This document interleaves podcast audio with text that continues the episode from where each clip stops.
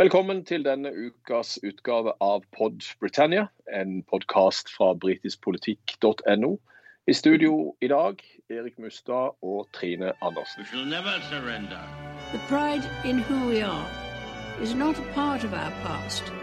It defines our present and our future. The people of Scotland have spoken. England, Scotland, Wales, Northern Ireland together, taking us forward, unleashing the potential of the whole country. Temaet for dagens sending er britisk teater generelt. Mer spesifikt britisk politisk teater. Og vi skal snakke om ett stykke eh, som nå er veldig aktuelt virtuelt på scenen i London, nemlig 'This House' av James Graham. Og Hvorfor er det så eh, aktuelt å snakke om dette teaterstykket, Trine? Eh, først og fremst fordi at vi nå faktisk kan sitte og se det hjemme i sofaen. Eh, National Theatre har lagt ut på sin YouTube-kanal i går kveld. Og det ligger ute en hel uke. Dessuten så er dette et av de morsomste politiske stykkene jeg noen gang har sett. Jeg så det på scenen i National Theatre i 2012 og har aldri glemt det. Det, er, det foregår i det britiske underhuset, på innpiskernes kontorer. Så det er jo svært, svært interessant for alle oss som er opptatt av britisk politikk. Og for meg så var dette her en skikkelig godtepose. Jeg har liksom to store interesser, og det er britisk politikk og teater. Så å få de sammen på denne måten var bare helt fantastisk. Og dette eh, skuespillet her, eh, som du sa, som du så i 2013, det hadde vel premiere i 2012. Og nå kan altså folk se dette hjemme i sin egen stue. Eh, for, eh, for, for hvordan, hvordan, er det med, med, eh, streamingen her? Hvor lenge kan de se det, og, og hvor lenge varer det? Bare litt sånn tekniske opplysninger til å begynne med. Ja, altså National Theatre er jo så heldig at de har eh, sendt eh, en masse forestillinger live til teatre rundt omkring både i Storbritannia og andre steder i verden i veldig mange år. Så de har en, en stor, et stort lager rett og slett av stykker. Og nå har de gjort det slik at hver torsdag klokka 20 norsk tid så legger de ut et nytt, ut et nytt stykke som da ligger i, et, i en uke framover. Så det er bare å gå inn og søke på nettet på National Theatre. Så er det bare mm. å klikke seg inn derfra, så kommer du rett inn på YouTube-kanalen deres. Og da kan du se dette stykket når du vil, rett og slett. Og det er veldig mye spennende andre stykker som også blir, har blitt lagt ut og blir lagt ut framover. Så jeg vil absolutt eh, anbefale folk å følge med på, på, her, hvis de er interessert i teater. Ja, Dette er jo ei gullgruve for folk som er interessert i teater generelt. Eh, og Nå skal vi snakke litt mer om dette stykket, som er skrevet av James Graham. En gans, ganske ung dramatiker. Ja, altså det er helt fantastisk. Denne mannen som har skrevet etter James Graham. Han er jo virkelig the golden boy og, og, i britisk teater for tiden. Har skrevet en rekke stykker etter This House, men det var This House han brøt gjennom med. Han skrev det da han bare var 30 år, og var altså ikke engang født da handlingen foregikk på 1970-tallet. Og han har skrevet eh, flere andre politiske stykker. Det er jo det han er mest kjent for. Og han har skrevet et stykke om eh, The Suns historie, altså tabloidavisen. Han har mm. skrevet om Labours historie. Og han har mm. skrevet et veldig artig stykke som nettopp også har blitt dramatisert på ITV, som heter Quiz. Jeg vet ikke om du husker, for, en, for noen år tilbake så var det en som, som var med dette Vil du bli millionær-programmet på TV i Storbritannia, som ble dømt for å ha jukset. Etter, fordi det, satt, det satt noen i, i, salen og hosta litt på forskjellige, forskjellige svar der. Mm, og, og, det har han faktisk lagd et teaterstykke om. Jeg, jeg, så 'Labor of Love', som da var om dette, dette stykket om uh, Labour. Og da mm. gikk både quiz og Labor of Love vegg i vegg da på West End, og det sier jo litt om den standingen James Graham har, altså. Mm, absolutt. Eh, du nevnte at dette eh, skuespillet her, dette dramaet her, This House, eh, foregikk i eh, parlamentets underhus, på innpiskernes kontor. Eh, kan ikke du fortelle litt om dette stykket, eh, sånn at folk nå får en, en, liten innføring i hva dette stykket handler om. For det kan gjøre det litt enklere for, for, eh, for våre lyttere å kanskje klikke seg inn og, og, se det. Ja, vi snakket jo litt om det på, på forhånd, Erik. At det er, et, det er, jo et, litt krevende stykke å følge, fordi replikkene går mm. som pingpongballer her. Og du må kanskje vite lite grann, så det kan være greit å lese seg litt opp på forhånd om hva en innpisker gjør, f.eks. Og, ja. og det, vi, det, vi, følger her, det er altså innpiskerne i Labour og Det konservative partiet. Det veksler mellom disse to kontorene og hva som skjer. Og dette er jo på en tid som du sikkert kjenner langt bedre enn meg, hvor det var ganske kaotiske forhold i, i uh, britisk politikk, og, og, hvor Labour styrte, men med en mindretallsregjering etter hvert. De, de vant jo et valg og fikk pluss tre, men folk både døde og det skjedde andre ting. Så det ble mindretallsregjering. og, og disse to vippene, VIP-kontorene, de ligger i krig med hverandre. Vanligvis har de såkalt pairing, som det heter, hvor, hvor de inngår en Du kan kanskje forklare det litt bedre enn meg, hva egentlig det er? For det er ganske sentralt i dette stykket, nemlig. Ja, det er det. Og, og eh, har jo en veldig viktig jobb, spesielt hvis et av partiene har et lite flertall. Eh, og de har en enda viktigere jobb hvis et av partiene er i mindretall, altså styrer med en mindretallsregjering. Eh, og fra 1974 til 1979 var veldig trøblete år for det britiske underhuset, rett og slett fordi at i 1974 så var det to valg. Da Harold Wilson stilte til valg i 1974 på våren, så fikk han ikke flertall sammen med partiet sitt Labour. Og Dermed så måtte de ha et nytt valg i oktober 1974. Det er det eneste året eh, etter krigen hvor man har hatt to valg på ett år eh, på den måten her. Eh, så eh, Det som da skjedde var at i oktobervalget så fikk Labour et lite flertall. Men som vi ser i dette stykket, og som er egentlig en speiling av virkeligheten, så var det veldig vanskelig å håndtere avstemninger i Underhuset. For i Underhuset så er det nemlig sånn at man stemmer med kroppen sin. Man stemmer ikke med mentometerknapper eller digitalløsninger, som man gjør i Stortinget og i andre nasjonalforsamlinger rundt forbi i verden. Nei da, i Storbritannia skal man stemme med kroppen. Eh, og Det som er morsomt og, og, og kanskje litt sånn um, komisk fremstilt i dette stykket, er jo alle disse gamlingene som sitter i Underhuset i disse periodene. For de dør jo en masse, Trine. Ja, det er mange som dør. Veldig mange. Og ikke bare, ikke bare er de gamle, men de er jo sjuke. De sitter jo med oksygenmasker, og de sitter i rullestol. Og, og de overnatter på kontoret, sånn at de er i stand til å stemme. og ja, Det er jo en del fyll her òg, egentlig, men det var kanskje så gal, en sånn galskap. Jeg vet at James Graham selv har sagt at han han trengte nesten ikke å finne opp noen ting. Han, bare, han, måtte bare velge hvilke crazy historier han skulle ta med i dette stykket. Så det var kanskje så galskap, eh, Erik? Ja, det var mye drikking, og det er for så vidt enda mye drikking i, i eh, det britiske parlamentet. Og eh, nå er det sånn at i Underhuset, når det skal stemmes, så ringer det ei klokke. Og den klokka kan du høre i hele parlamentet. Og da har du 13 minutter til å innfinne deg i ja-rommet eller nei-rommet, alt avhengig av hva du stemmer på. Eh, og Så går det en ny bjelle eh, åtte minutter før, altså fem minutter etter den første. og Hvis du da sitter på toalettet, eller hvis du sitter i baren, eller hvis du er halvfull, eller sitter og spiser, så må du forte deg å gjøre, ferdig. For når det er så knapt flertall for den ene sida, så er det viktig at alle i de forskjellige partiene kommer og stemmer. Og Det er jo det dette stykket handler om. At disse innpiskerne, the whips, som vi sier på engelsk, skal da sørge for at alle disse som er rundt forbi Underhuset, må komme og stemme med kroppen sin i ja-rommet eller nei-rommet til riktig tidspunkt. Eh, sånn at de kan sørge for at, at partiet enten får et flertall for denne loven, eh, eller at de kan felle eh, motstanderen med å ha større tilstedeværelse i ja-rommet eller nei-rommet. Så, så, dette er litt innvikla.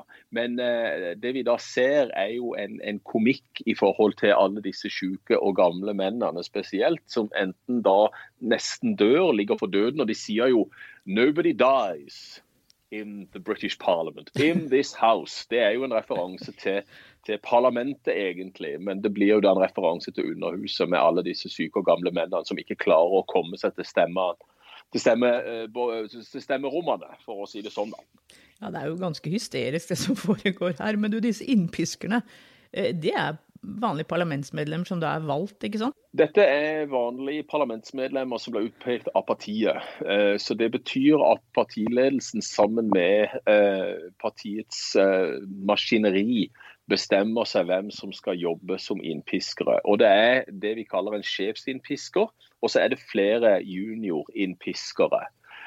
Og Disse jobber da hele tida mot å sørge for at folk kommer og avgir sin stemme. Og så er det dette med pairing, som du nevnte, som vi kan si er paring. Det betyr at hvis det er et flertall på bare tre parlamentsmedlemmer, og det skal stemmes over viktige saker, og på 1970-tallet, fra 1974 til 1979, hvor denne handlinga foregår, ja, så er det en del viktige saker som eh, politikerne skal stemme over. Og hvis det er sånn at en fra Labour er eh, er syk eller ikke kan møte eller ikke kan komme til Underhuset, eller er så dårlig at han ikke klarer å bli rulla inn i rullestolen i ja-rommet, ja, så spør da innpiskeren for Labour, innpiskeren for de konservative, om de konservative kan holde én representant tilbake igjen, sånn at de på en måte utligner hverandre. Men det er jo dette som egentlig hele stykket handler om at de krangler om hvordan man skal utligne hverandre, og hvordan denne paringa egentlig da skal skje, for å opprettholde balansen eh, i flertall. Eh, mindretall. Eh, og, og, Dette ser vi egentlig gjennom hele 70-tallet var et stort problem. At man fikk ikke gjennom noe fordi at det var så vanskelig å få gjennom lovforslag, rett og slett, med et så lite flertall som Labour hadde eh, fram til 1979. Og vi ser jo mot slutten av stykket at det blir stilt mistillitsforslag mot James Callahan, som da er statsminister og Labour-leder. Og de siste ordene som blir sagt, er jo den berømte talen til Margaret Thatcher, som da blir valgt til statsminister i Storbritannia i 1979. Og Thatcher er en viktig del av dette stykket, men hun er aldri på scenen. Eh, og det er jo litt spesielt. Ja, men det er jo ingen kjente som egentlig er på scenen, kanskje unntatt Nei. Michael Hesseltine, som eh, veiver rundt med dette septeret. Ja. Det er vel en ganske kjent eh, episode som, eh, som, skjedde i parlamentet på den tiden. Og er litt ja, sentralt her også. Kan du ikke fortelle litt om det? Dette septeret har det jo blitt litt bråk om det siste året også, fordi at det forsvant fra Underhuset nylig. Og Dette septeret representerer jo det konstitusjonelle monarkiet og kan aldri tas ut når parlamentet er i sesjon. Eh, det vil altså si at dette septeret har sin faste plass foran the speaker, altså den som er lederen av Underhuset i forhold til debatter og, og, og sånne ting. Og Vi kjenner jo uh, the speaker ganske godt fra norsk TV også. Det var John Burkhoff som var speaker inntil nokså nylig. Uh, og Han var jo en farverik karakter, og det var i hans tid at dette septeret ble tatt. Og Michael Hesseltine, som vi ser i stykket, en kjent konservativ politikere som utfordra Margaret Thatcher på 80-tallet om, eh, om, lederskapet faktisk eh, mot slutten av Thatchers tid. Så Michael Hesseltine er en tungvektspolitiker for de konservative. Han som du sier er nok den eneste kjente som er der. Og dette septeret skal man ikke tulle med, altså, for det er veldig veldig høytidelig. Og sånn som de driver og veiver rundt på scenen med dette septeret i dette skuespillet, ja, det viser jo litt av, av komikken rundt akkurat disse pomp og praktdelene av det britiske underhuset og parlamentet. Jeg skal kanskje være litt glad for at det ikke var TV-overføringer i den tiden, hvor de drev på som verst. Det var jo til og med slåsskamper, så vi. Ja, ja. ja da, og det var jo, var jo, sånn at Da BBC eh, begynte å overføre direkte fra Underhuset på begynnelsen av 1990-tallet, folk trodde jo ikke sine egne øyne i Storbritannia. At folk kunne oppføre seg sånn i nasjonalforsamlingen.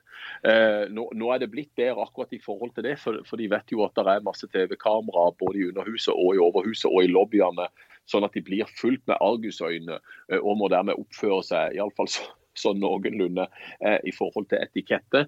Men eh, på, på 70-tallet så var det mange ting som foregikk på, både på kontorer, i lobbyene og i kamrene. Altså i eh, Overhuset og i Underhuset.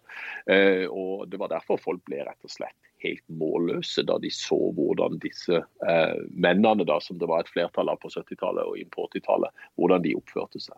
Ja, Det var ikke mange kvinner som satt i Underhuset den gangen? Nei, og vi ser jo i dette stykket òg at det er jo ikke veldig mange kvinner som er med.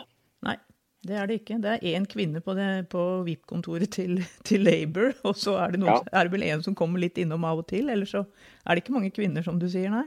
Men du, så hvorfor, du ja, ja, kom igjen. Nei, Jeg ville bare spørre deg, fordi at, eh, hvorfor tror du dette er så populært? For det, det har det jo vært. Dette, dette skuespillet og de andre politiske skuespillerne til, til James Graham har jo vært veldig populære. Hvorfor er dette så populært, og hvorfor har det så stor appell, tror du? Jeg tror det har mye å gjøre med det jeg syns er så godt ved britisk teater, nemlig denne humoren som ligger under, under alvoret. Det er Alltid morsomt. Og dette er jo hylende morsomt. Og det er Altså, du trenger ikke å forstå alt for å ha utbytte av det. Du gjør ikke det. Nei. Det er liksom Nei. veldig mange gode episoder, og det er klart at eh, politikere som blir litt driti ut, som vi ser her, det liker jo, det liker jo folk òg, da. Ja. ja. og, og, men, men så du Det er jo noe som er veldig flott på scenen her, hvor de har eh, bygd opp et slags underhus, hvor faktisk publikum er parlamentsrepresentanter. ja Hvor de det. sitter på hver sin side, Labour og de konservative. Og det var jo så det var jo det, var- det var seter som ikke var lett å få tak i, for å si det sånn. Jeg måtte sitte nede i salen da jeg så det. Dette, Ja. det, men dette stykket her har også vært på turné rundt omkring i Storbritannia med stor suksess. Her blir det jo den ene, ene parlamentsmedlem etter det andre blir jo kalt inn etter hvilke distrikt de representerer. Ja. Ikke sant? Så, Ja. Så, så, så det har jo en litt sånn lokal eh, tilknytning på den måten. Så det, nei, jeg tror, jeg, tror som, eh, jeg tror at disse stykkene hans er For det første er de jo veldig godt skrevet, veldig gode replikker. Ja. Men de er også veldig morsomme. Labour of Love, som jeg så, som var om Labours historie, var også veldig morsomt. Men der hadde det noe å si med at det var en hovedrolle, hovedrolleinnehaver som het Martin Freeman. Ja. Som veldig mange kom og så. Ja, Martin Freeman kjenner vi jo fra en rekke serier og, og filmer, Ja. og, er jo en av Storbritannias virkelig store skuespillere. Så, så, eh, men men hva, hva er det med dramaturgien i dette som, som gjør det fengende? Du nevnte replikkene litt, og det, og det er jo, som vi sa innledningsvis, eh, et høyt tempo. Det, det, det er intenst, og du må følge med og du må konsentrere deg. Eh, Men, men hva er det med dramaturgien her, syns du, som, som er spesielt imponerende? Jeg syns det er veldig imponerende. Du kommer, selv om dette foregikk i en ganske stor sal, så kommer du veldig nær personene også. Og dessuten så har de jo vært veldig glupe når det går så fort. Så har de også lagt inn noen hvileskjær med litt musikk, litt sang innimellom. Mm. Sånn at du Ja. får på en måte henta deg litt inn. Det Ja. er også, og og så er det veldig sånn dramaturgisk er det jo veldig fiffig, men veldig enkel løsning på scenen, da, hvor de har satt disse to eh, kontorene ved siden av hverandre. Lyset slokkes når, når, du, er, når du er på Labours kontor, så tennes lyset der, og det slokkes på de konservative, så omvendt. Det er en veldig sånn Ja. fiffig sceneløsning også, som eh, appellerer til oss eh, teaternerde, i hvert fall. Ja. Hva, hva tror du det britiske teaterpublikum lærer av dette stykket og, og Graham sine stykker generelt? Hva, hva er det de kan ta med seg av dette? I, i tillegg til, til humoren, selvfølgelig, og at man latterliggjør en del av prosedyrene og, og høytideligheten og alt dette i, i underhuset i dette stykket. Men, men hva, hva er det å ta med seg for, for eh, den gjengse brite i, i, i dette stykket, f.eks.? Og oss nordmenn som ser det kanskje også. Eh, Ja, ikke minst. jeg, jeg tror, jeg tror du, du lærer ganske mye om britisk politisk historie, rett og slett. Ja. Fordi det er jo ikke, altså det er jo bygd på en sann historie. Det er det meste som har skjedd, det meste vi ser her, har jo faktisk skjedd. Og du blir kanskje, Ja litt, mer, du blir kanskje litt mer Jeg ble i hvert fall litt mer nysgjerrig på denne perioden og satt meg til å lese litt mer om den etter å ha sett stykket. Og det får vi jo håpe at eh, flere gjør, rett og slett. For det er jo en utrolig Absolutt. spennende periode, da. Og, og, og, og ikke sant, når man skriver om eh, et, et teaterstykke om avisa The Sun, så, så lærer vi en del om de journalistiske metodene som, som de eh, jobber etter. ikke sant? Og Labour, så, så snakket jeg, så var det jo Labours historie som faktisk eh, ble utspilt på scenen gjennom flere tiår. Så, Ja. så det er mye politisk å lære av det også, samtidig som du blir underholdt. Ja, og, og denne perioden som du sa, fra 1974 til 1979 i This House, det er jo en brytningsperiode i britisk politikk. Fordi at man, man ser ikke bare at, at det er veldig gamle eh, parlamentsmedlemmer, og at de, de dør og de er syke og, og de kan ikke stemme, men, men dette er jo et, et, en brytningstid hvor vi får Margaret Thatcher inn som konservativ partileder fra 1975. Og som jeg nevnte, fra, fra 1979 så blir hun statsminister og regjerer i elleve år. Eh, de har på mange måter i, i denne perioden fra 74 til, til 79 en, en total kollaps av den britiske tradisjonelle industrien. Vi husker at Storbritannia var ledende i den industrielle revolusjonen og var det første vestlige landet som ble industrialisert eh, tilbake på slutten av 1700-tallet og begynnelsen av 1800-tallet. Nå begynner denne tradisjonelle industrien med gruvedrift og med, med, altså med kull, med, med jern, med stål. Dette begynner å gå dårlig. Eh, Og, og vi ser jo veldig mye tilstedeværelse av av fagforeninger på, på 70-tallet som på mange måter knebler eh, politikerne. Og så ser vi jo noe av det som førte til James Callahans fall i 79, nemlig eh, misnøyens vinter, the winch of mm. discontent. Og det er jo òg tematisert i stykket. Mm, det er det, absolutt. Og de, er jo så vidt innom den store politiske skandalen på denne tiden også, med Jeremy Thorpe. Og de liberale, ikke sant, som vi jo kjenner fra, fra, den eh, filmen fra i fjor, var det med Hugh Grant, 'A Very English ja. Scandal', tror jeg det var den yes. het? hvis jeg ikke husker helt feil. Det var det. Jo, det var jo det var så vidt innom den her òg, så altså, det var jo en utrolig spennende politisk tid, som du sier. Ja, det var det. og Derfor så er det jo selvfølgelig mye lærdom også for oss å, å trekke ut av dette. Og, og se den brytninga som er i ferd med å skje eh, i britisk politikk, men selvfølgelig også da i det britiske samfunnet. Så Sånn sett så har han jo funnet noen veldig dramatiske år ja. å, å, spille, å, spille, dette. Absolutt. Men eh, av, avslutningsvis, Trine, så må vi jo si litt om britisk teater generelt i disse koronatidene. Eh, for det er jo ikke lett for, for teatret noen steder egentlig akkurat nå. Hvordan har de britiske teatrene løst denne vanskelige tida? Ja, Det er rett og slett uh, full krise.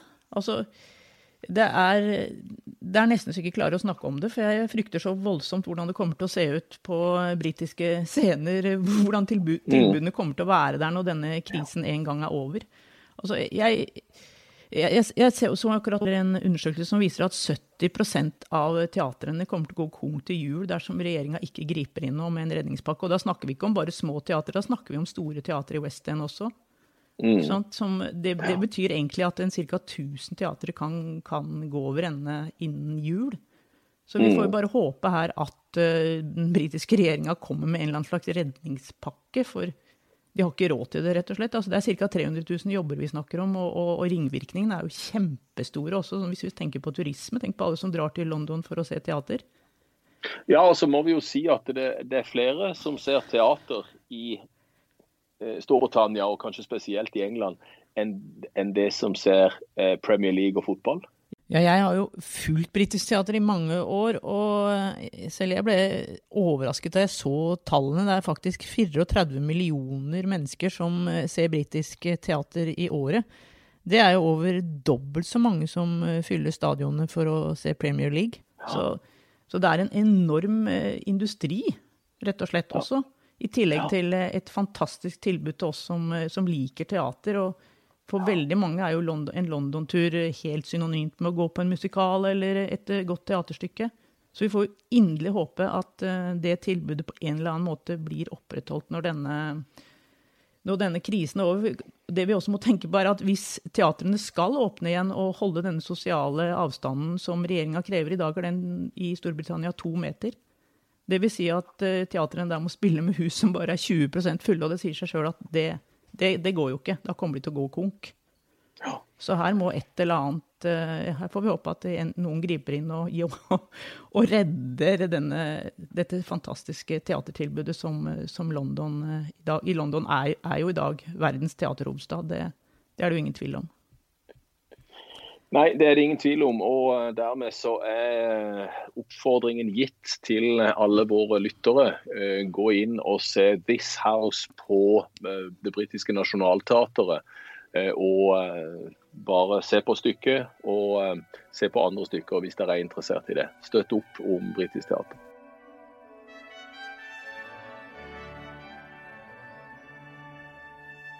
We shall never surrender.